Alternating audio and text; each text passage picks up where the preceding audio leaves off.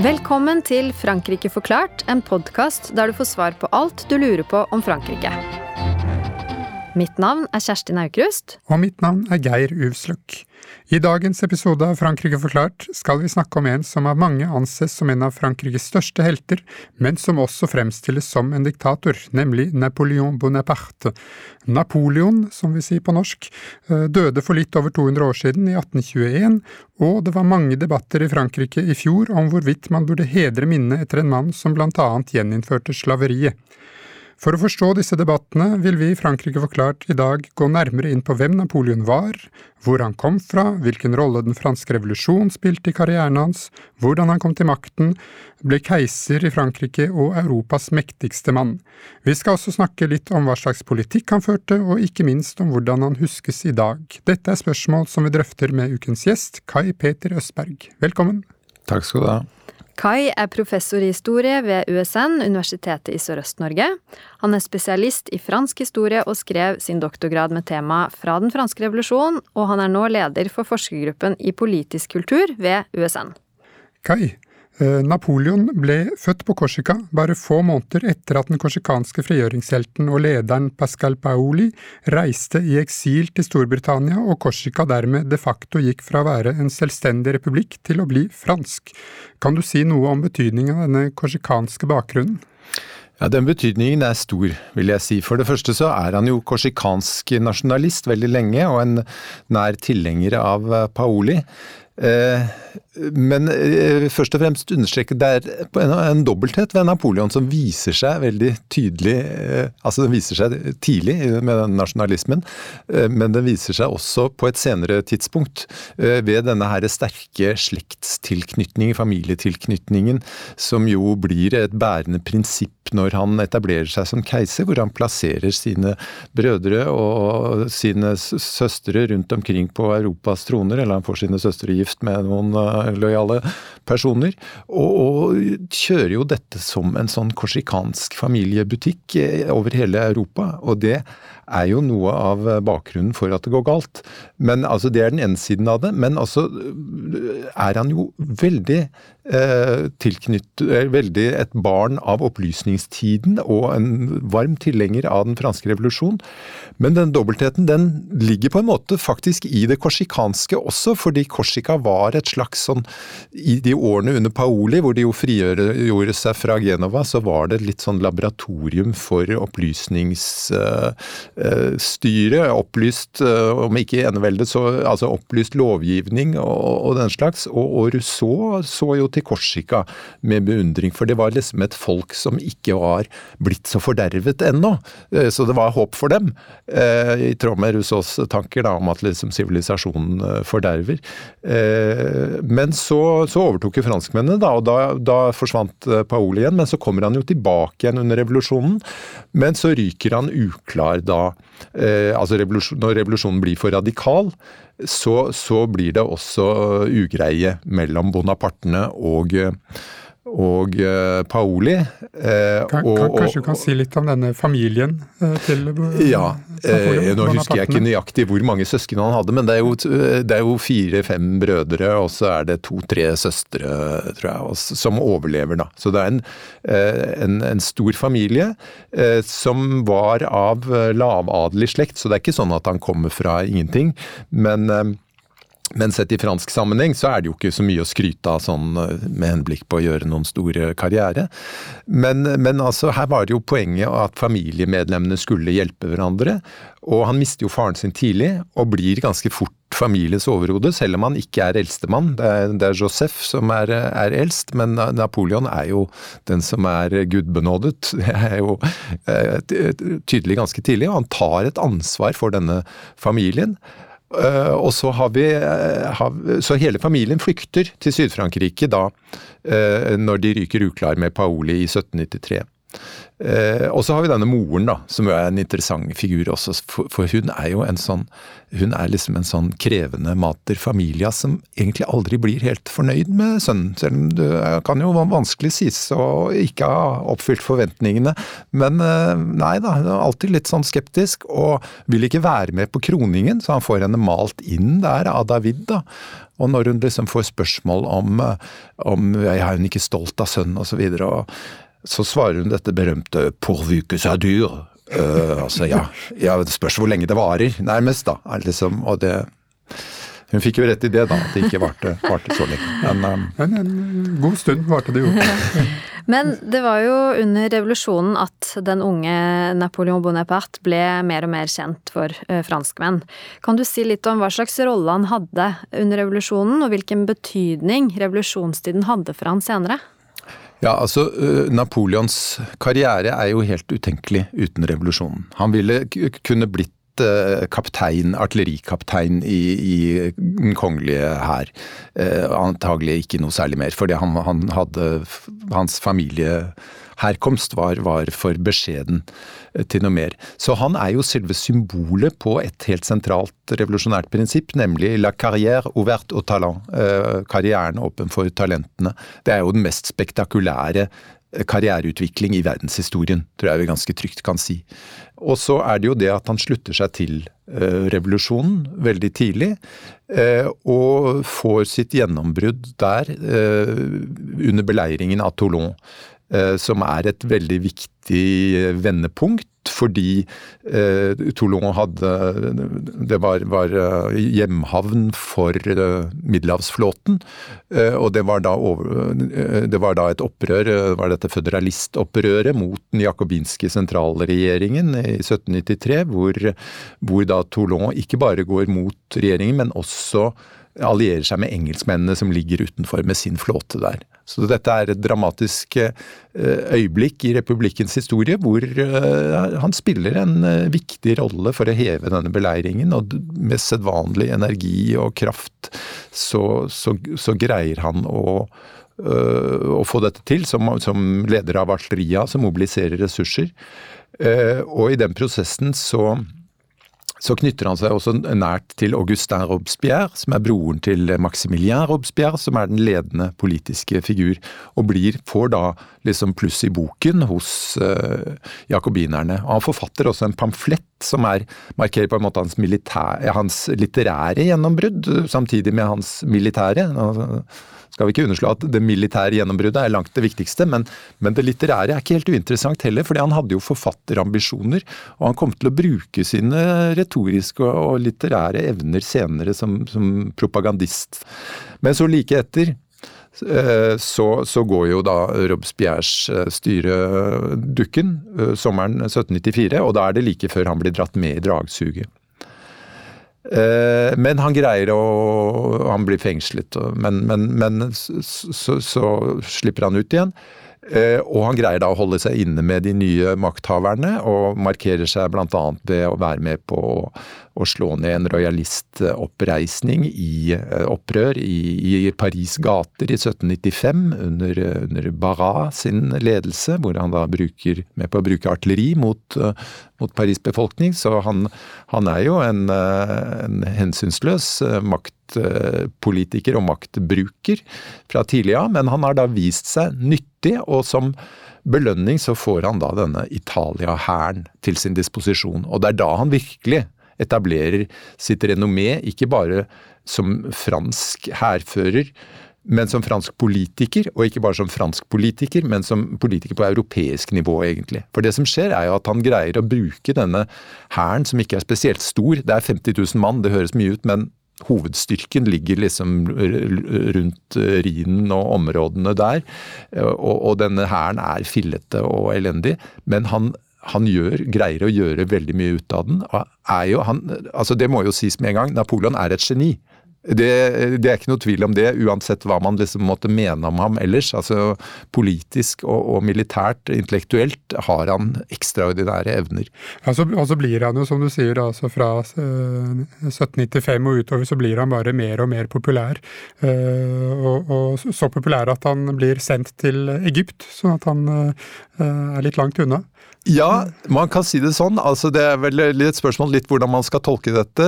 Det er klart Han er nyttig for direktoriet. Han skaffer dem seire, han skaffer dem masse penger og kunstskatter fra Italia. og Han fyller sine egne lommer, men han sørger virkelig for å fylle opp statskassen også.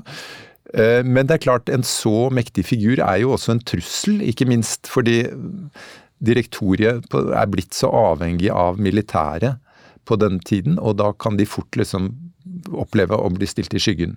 Direktoret, altså det revolusjonære styret mellom 1795 og 1799. Nettopp. Og så da, øh, altså Han blir jo mer og mer populær, og 9.11.1799 så fikk øh, de to politikerne Emmanuel Joseph Seyes og Roger Ducot med seg øh, general Napoleon Bonaparte på et statskupp, og det lyktes, dette statskuppet. Men Napoleon stilte veldig raskt de to andre helt i skyggen. Først så ble han førstekonsul, så ble han konsul på livstid i 1802, og så ble han keiser i 1804. Eh, hvordan hadde det seg at han klarte å overkjøre de politiske veteranene Seyes og Ducot eh, og ta makten alene? Ja, Altså, øh, de, øh, Ducot han er ikke den viktigste i den sammenheng, men, men Seyes er jo en sentral figur i, i, revolusjonen. Så vi må si to ord om han, for han, han er kjent, mest kjent for denne pamfletten i 1789, øh, som er den, er den, viktigste pamfletten i hele revolusjonen, som mobiliserer eh, tredjestanden mot adelen og, kongemakten. Denne, hva er tredjestanden som kommer før generalstendene? Og så blir han jo, er han jo en nøkkelfigur i, de første, i den grunnlovgivende forsamling de første årene, men han blir jo sittende, han er jo en av de evige, som de kalles. Han sitter i konventet og er sentral i direktoriet og er en, en viktig tenker og strateg.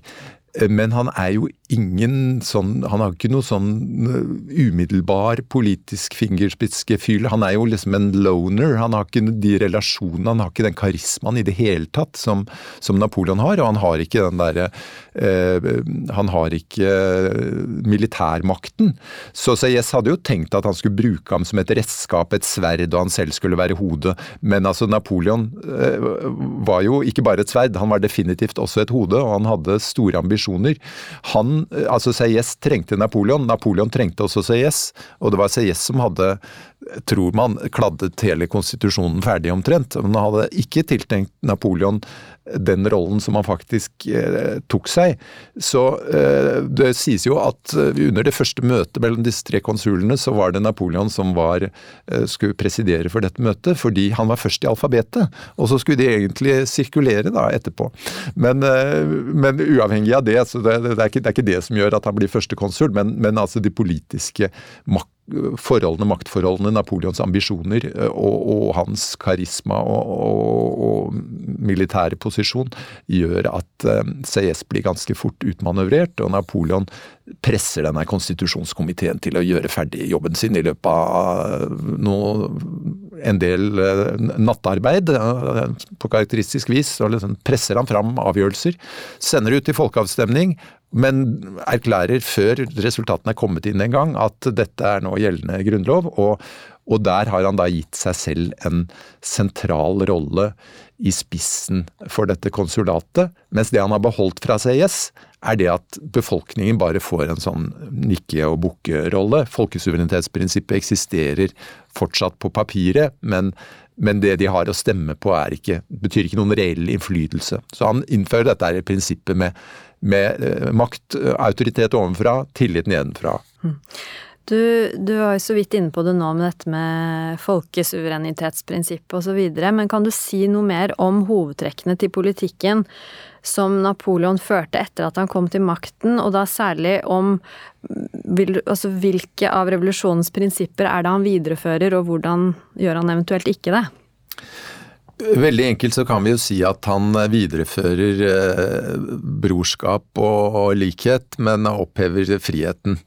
Eh, men eh, altså, hvis, så kan man jo spørre seg om hvem som inkluderes i dette brorskapet også etter hvert. Men, men hvis vi skal si det på en annen måte, da, det som har med brorskap å gjøre, det går på forsoning. Det er jo en veldig viktig rolle for ham. fordi noe av grunnen til at direktoriet er så ustabilt, er at det blir dratt mellom uh, uforlikelige grupperinger og greier ikke å skape en middelvei eller en gruppe på midten som er stor nok til å støtte det. Det er, det er royalistene på den ene side som vil ha kongemakten tilbake, og så er det jakobinerne på den annen som vil ha 1793-94 og en, en, radikal sosial uh, demokratisk republikk.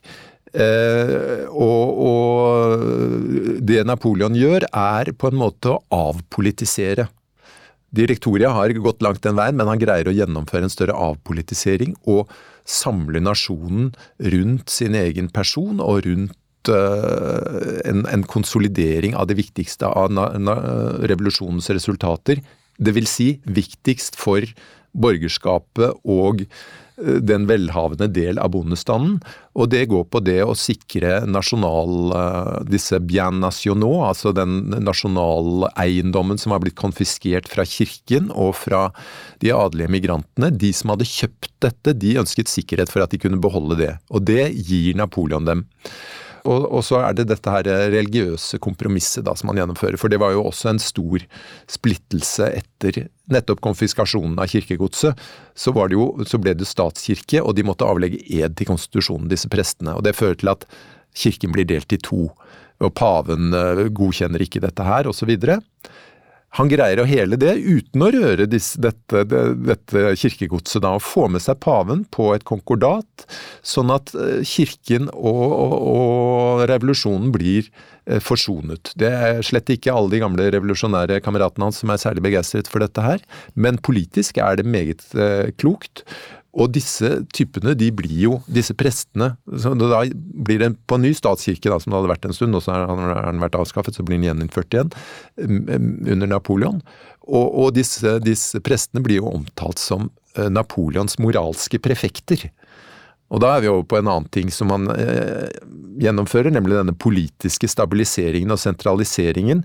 Og det er hans egen person, altså en sterk eksekutivmakt, i motsetning til under direktoriet. Det er viktig kjempeviktig, men også at hele den administrative pyramiden blir jo eh, mye mer strømlinjeformet og effektiv med disse prefektene ute i departementene som de, de helt grunnleggende byggesteinene, som jo består den dag i dag. Og så er det ro og orden. Få vekk bandittvesenet, alle disse som har eh, desertører, eh, folk som har unndratt seg soldatutskrivning, som da eh, blir til røverbander, rojalister som driver hvit terror. Alt dette her får han kontroll med, og det gir ham jo en veldig standing. Du snakket i stad om hvordan han var som retoriker og, og eh, propagandist. Altså, han var ganske flink med PR, som vi kaller det i dag? Ja, altså der viser jo hans moderne side seg ved det at han eh, forsto opinionens betydning. Måten han forholder seg til opinionen på, er jo ikke at han liksom har tenkt å underkaste seg den. For jo, den politiske friheten blir jo avskaffet, som sagt. Men han forstår betydningen av å manipulere den og massere den, så å si, og, og forme den i sitt bilde. Og det gjør han da med disse bulletengene, og han gjør det med, med, med å markedsføre sitt eget image helt fra tidlig av, som denne supermannen som, som altså flyr som ørnen og slår ned som lynet. Og, og, og, hele ikonografien, ikke sant. Det at, man, at Napoleon er den mest gjenkjennelige figur i verdenshistorien gjennom her, eh, denne hatten sin eh, med, med to, sånn tosnutet hatt og denne, denne frakken eh, og hånden innenfor. Dette er jo helt bevisst imagebygging som gjør at han skal kunne tale liksom til eh, sjelene hvor som helst.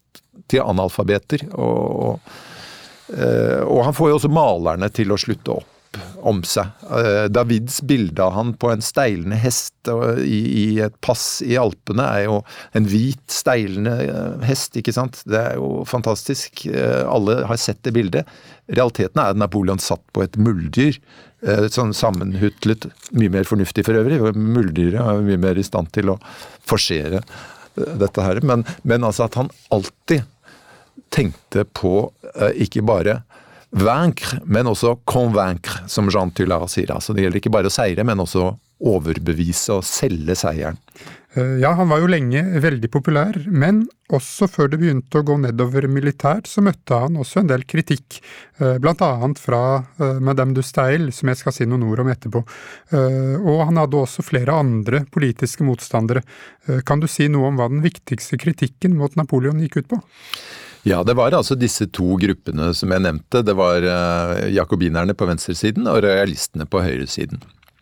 Royalistene hadde jo håpet at Napoleon skulle være en ny general Monk, som var altså den mannen som brakte stuartene tilbake under den engelske revolusjonen 140 år tidligere.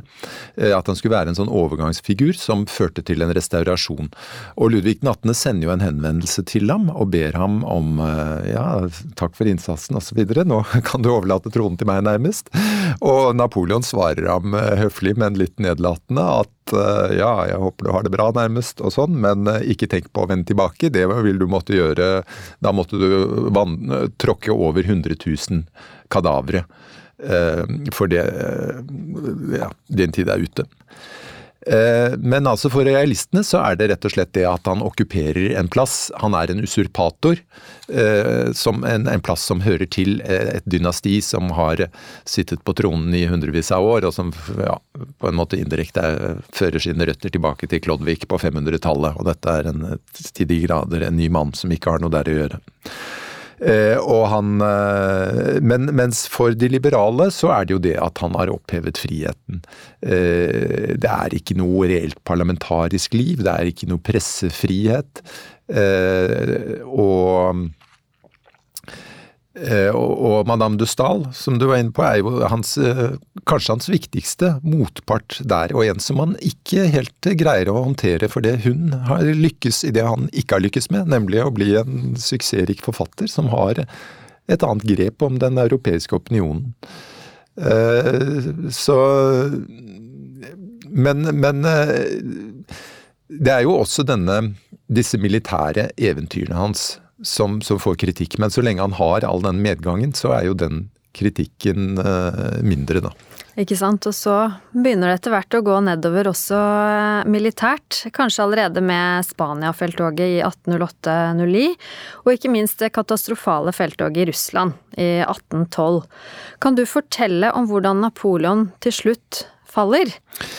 Ja, Eh, altså, det, det, er jo mange som mener at denne intervensjonen i Spania er begynnelsen på slutten. Men noen eh, hevder at det er eh, enda før det, at det er eh, når han innfører keiserdømme, at han eh, forlater på en måte sin historiske oppgave å være fullbyrder av den franske revolusjon og garantist for resultatene der, og, stabilisator for den, og, og på en måte blir for mye korsikaner og for mye eh, gamle regimetype. Han liksom gjenoppvekker monarkiet, og det, det, vekker jo motstand på samme måte som tilsvarende måte som motstanden mot konkordatet blant mange av hans gamle eh, våpenbrødre.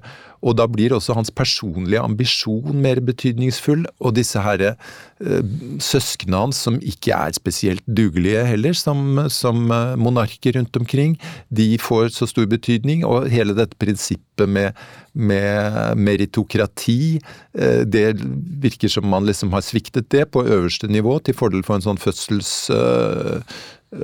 ja, altså at fødsel skal bestemme hvem som skal inneha posisjonene. Men, men altså, det går jo bra lenge. Og, men, men, eh, denne intervensjonen i Spania er jo også en del av dette her monarkiske familiebutikkopplegget hans, egentlig. For han setter jo inn da sin bror Josef. Eh, og det som skjer, er jo at det utløser en voldsom nasjonalistisk, men først og fremst sånn tradisjonalistisk og kirketro reaksjon en geriljakrig som Napoleon ikke er, eh, er, er, forberedt på, eh, og som binder opp veldig mye ressurser. Og og, og, utløser også en nasjonalistisk reaksjon i andre deler av Europa. Fordi man, han også blir tilføyet nederlag, så ser man at han ja, ikke er uovervinnelig lenger. Og, og, det blir en inspirasjon både i Tyskland og Italia til å ta avstand fra denne her franske dominansen. Men, men det er jo allikevel Russlands felttoget som er det mest alvorlige. Og det, det, er, det, er, som altså Churchill kommer til å si om Hitler i, i 1941 uh, He forgot about the winter. We others, we learnt about it at school. I would never have made such a grave mistake.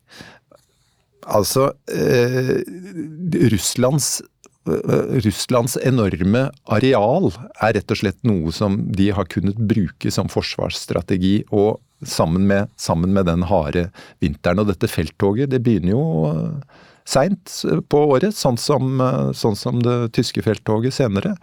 Eh, så de når jo fram til Moskva som kjent, men da er Moskva stort sett tømt, og så blir det satt fyr på. Angivelig Altså det er en anekdotisk versjon av det, at uh, tsaren hadde sluppet folk ut fra galehusene med fakler i hendene til å sette fyr på Moskva. Men uansett hvordan det nå var eller ikke, så var, står han da i, langt uh, ute i ytterkanten av Europa med en hær som opprinnelig var på 600 000 mann, som allerede er vesentlig desimert, og som så skal gjøre tilbaketog gjennom fiendtlig landskap i bitende kulde. Og ironi over alle ironier i denne bitende kulden, akkurat når de skal passere en av de viktigste grenseelvene, så er det mildvær. Og de kommer ikke over denne elven annet enn ved å svømme i den nærmest. Så denne Grand Armée på 600 000 mann er jo redusert til 10 000 mann eller noe sånt når man kommer tilbake. Eh, og da, da får jo resten av Europa blod på tann. Og det er også det at på det tidspunkt har England Russland, Prøysen, Østerrike greid å forene sine krefter. Fordi han har mye holdt seg oppe på det å splitte, holde sine motstandere splittet. Særlig altså Østerrike, Prøysen, uh, Russland. Uh, de har motstridende interesser, ikke minst over Polen og i forhold til hverandre. Men, men når han da har stelt seg slik at disse eh, forener sine krefter, så har han jo ingen mulighet eh, lenger. Så blir han jo da eh, altså Han blir jo først avsatt i 1814, men så kommer han tilbake igjen. Ja, og så er det ja. dette slaget i 1815 ved Waterloo, da, hvor han eh, til, til slutt eh, taper det, og så blir han eh, sendt til øya Sankt Helena, hvor han etter hvert dør seks år senere, er i 1821. Eh, innledningsvis så nevnte vi dette at Napoleon i dag ikke bare ses på som en helt, men også som en kontroversiell figur. Eh, og eh, historikeren og Napoleon-eksperten Jean Toulard han holdt et foredrag i mai i fjor hvor han snakket om la légende dorée og la légende noire, den gylne legenden og den svarte legenden om Napoleon. Hva er det som har gjort Napoleon til en så fascinerende figur for samtiden og ettertiden, på godt og vondt? Det er jo hans personlige karriere og de forhåpninger han vekket, og, og de sterke motkrefter han utløste. Eh, og det at han, han, blir jo en sånn figur som er helt sentral i den romantiske bevegelse. Altså eh, som politisk kraft så er han jo eh, verdenshistorisk, selvfølgelig, men også som som enkeltperson, som et bilde på hva den enkeltes vilje og begavelse kan utrette i en tung og treg, prosaisk verden. Eh, han får en voldsom appell til eh, kunstnere og forfattere, og det er jo velkjent at Beethoven dediserte sin tredje symfoni til ham, for så å overstryke dedikasjonen med så stor kraft at det gikk hull i papiret. Da, da han fikk vite at han hadde kronet seg til keiser. Da.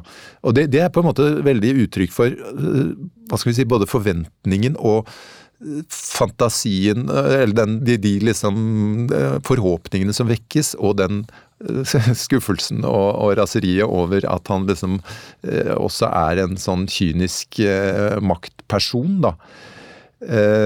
Men jeg tror vel det er det er de hva skal vi si, de, de der positive eh, verdiene som er representert i den franske revolusjonen. Og den franske revolusjonen er jo i seg selv tvetydig i sin arv, eh, på samme måte som Napoleon. Men det er liksom både de positive forventningene og denne her mm, følelsen av at alt er mulig.